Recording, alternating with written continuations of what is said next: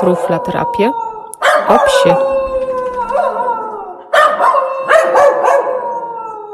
Cześć, tu Ela Wojciechowska, zoopsycholog i instruktor Nosework z Truflaterapię. Zapraszam Cię do mojego podcastu o psie. Dołącz do mnie, jeśli jesteś opiekunem psa lub interesuje Cię psia tematyka. Ten podcast pomoże Ci jeszcze lepiej zrozumieć Twojego futrzastego przyjaciela. Mam nadzieję, że spędzisz miło czas słuchając mojego podcastu.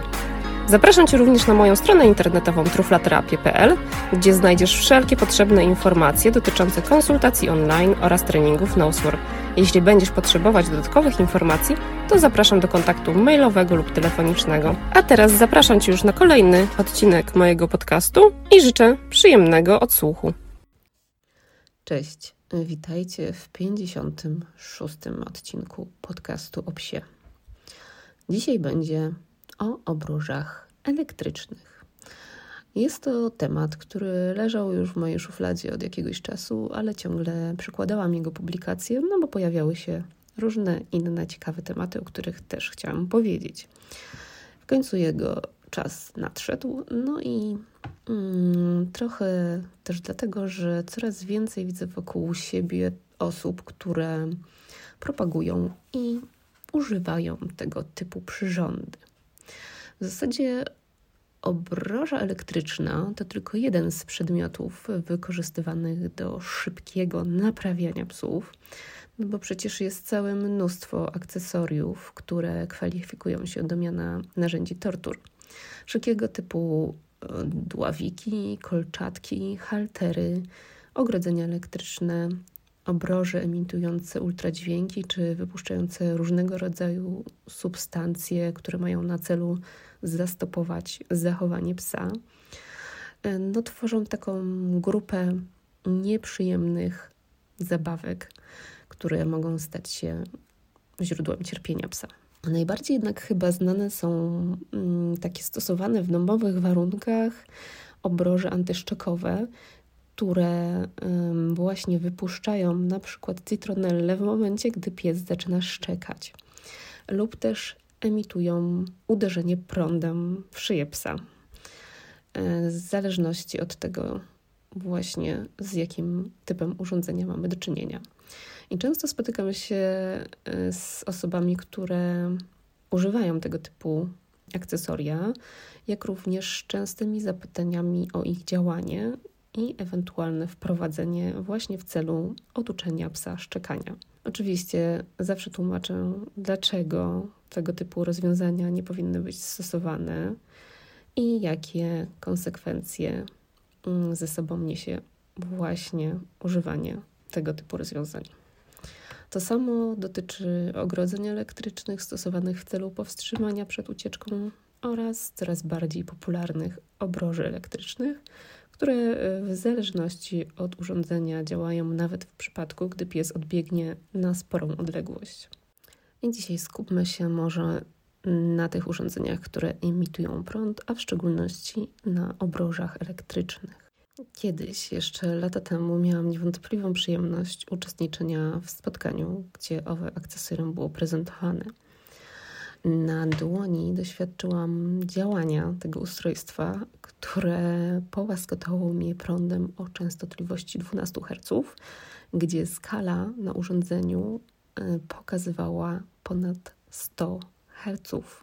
Także, jak widać, moje możliwości są dość małe, jeśli chodzi o tego typu wrażenia.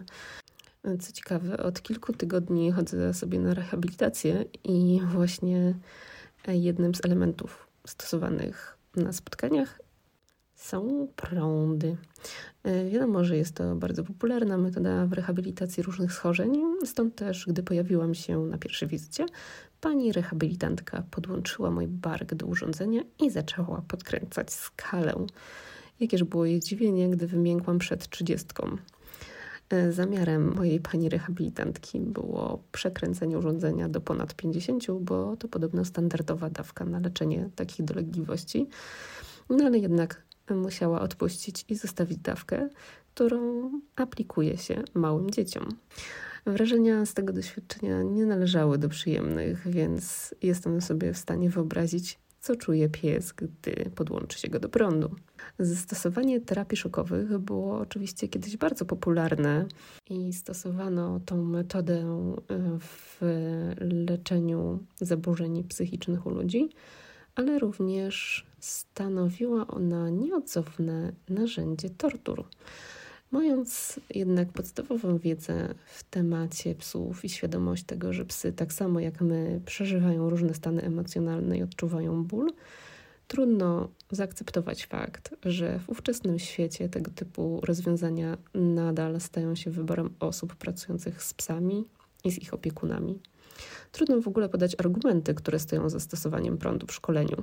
Nie ma badań, które potwierdzałyby przewagę tych rozwiązań nad metodami, które nie narażają psa na dyskomfort i ból, a więc nie można zgodzić się na poddanie psa takim szkodliwym praktykom.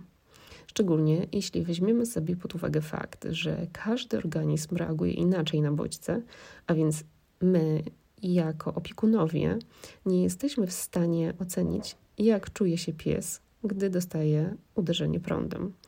Skóra ludzka dość mocno różni się od skóry psa, a więc w związku z tym psy mogą jeszcze intensywniej odczuwać skutki szoku elektrycznego. Tak jak mówiłam, na temat stosowania obroży elektrycznych i innych urządzeń traktujących psy prądem przeprowadzono wiele badań.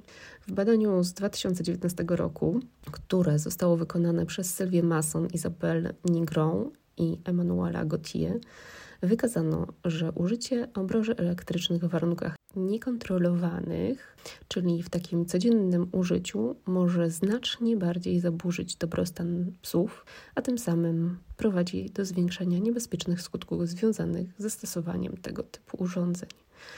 Wszystkie badania nad stosowaniem obroży elektrycznych jednomyślnie potwierdzają, iż tego typu narzędzia nie są skuteczne w nauce zachowań, a wręcz doprowadzają do powstania zaburzeń związanych z agresją, lękiem, wycofaniem się psa, obniżeniem nastroju, jak również negatywnie wpływają, tak jak mówiłam, na dobrostan psa. Niestety obroże elektryczne cieszą się w naszym kraju coraz większą popularnością i prawdopodobnie dlatego, że osoby je stosujące liczą na szybkie i skuteczne efekty naprawy psa.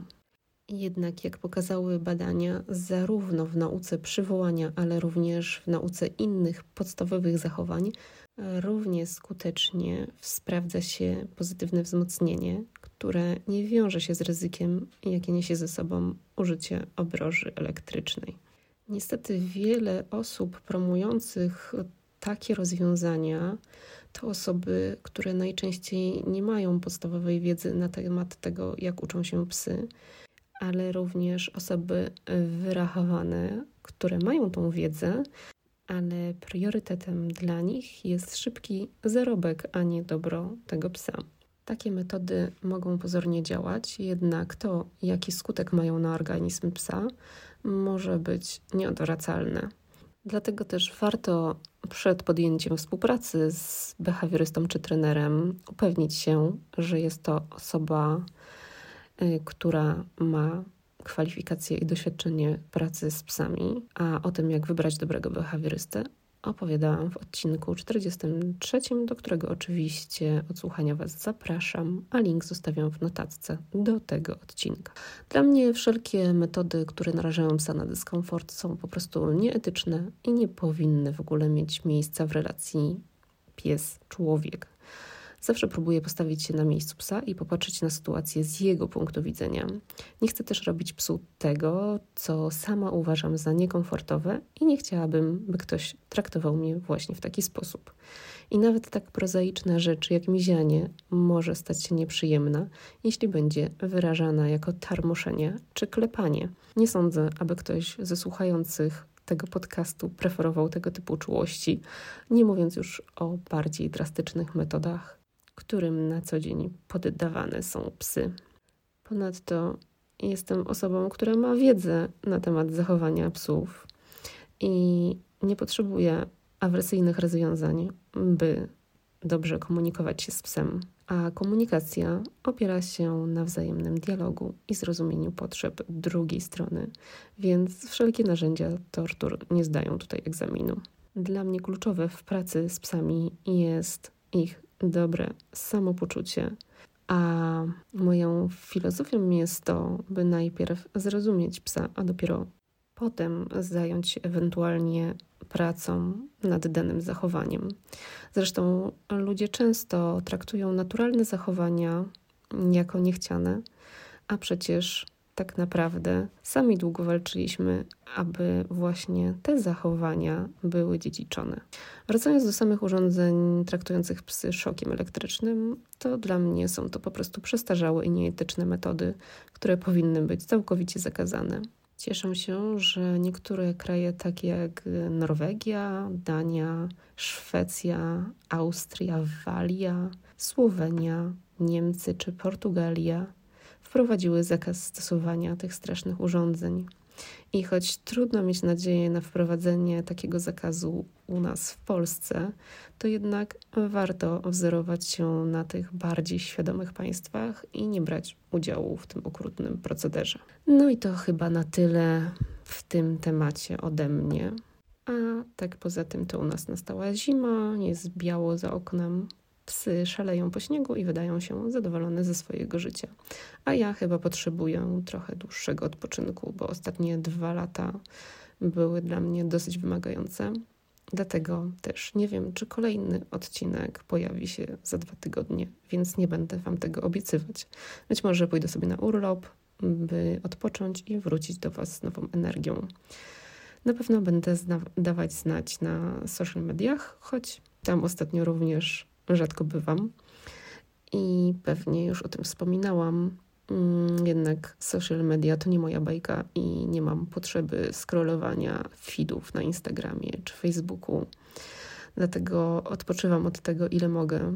I choć mam świadomość, że mojemu biznesowi to nie służy, jednak to moja marka, więc od mojej kondycji zależy jej kondycja również i to, jakie będą efekty mojej pracy. Także nawet jak mnie nie ma na socjalach, to jestem tutaj i w razie, gdy potrzebujecie wsparcia w waszej relacji z psem, to zawsze możecie do mnie napisać albo zadzwonić. To już koniec mojego gadania. Dziękuję Wam za wysłuchanie tego podcastu i za poświęcony czas. I oczywiście będzie mi bardzo miło, jeśli podacie moje treści dalej. Tymczasem trzymajcie się ciepło i do usłyszenia. Pa pa!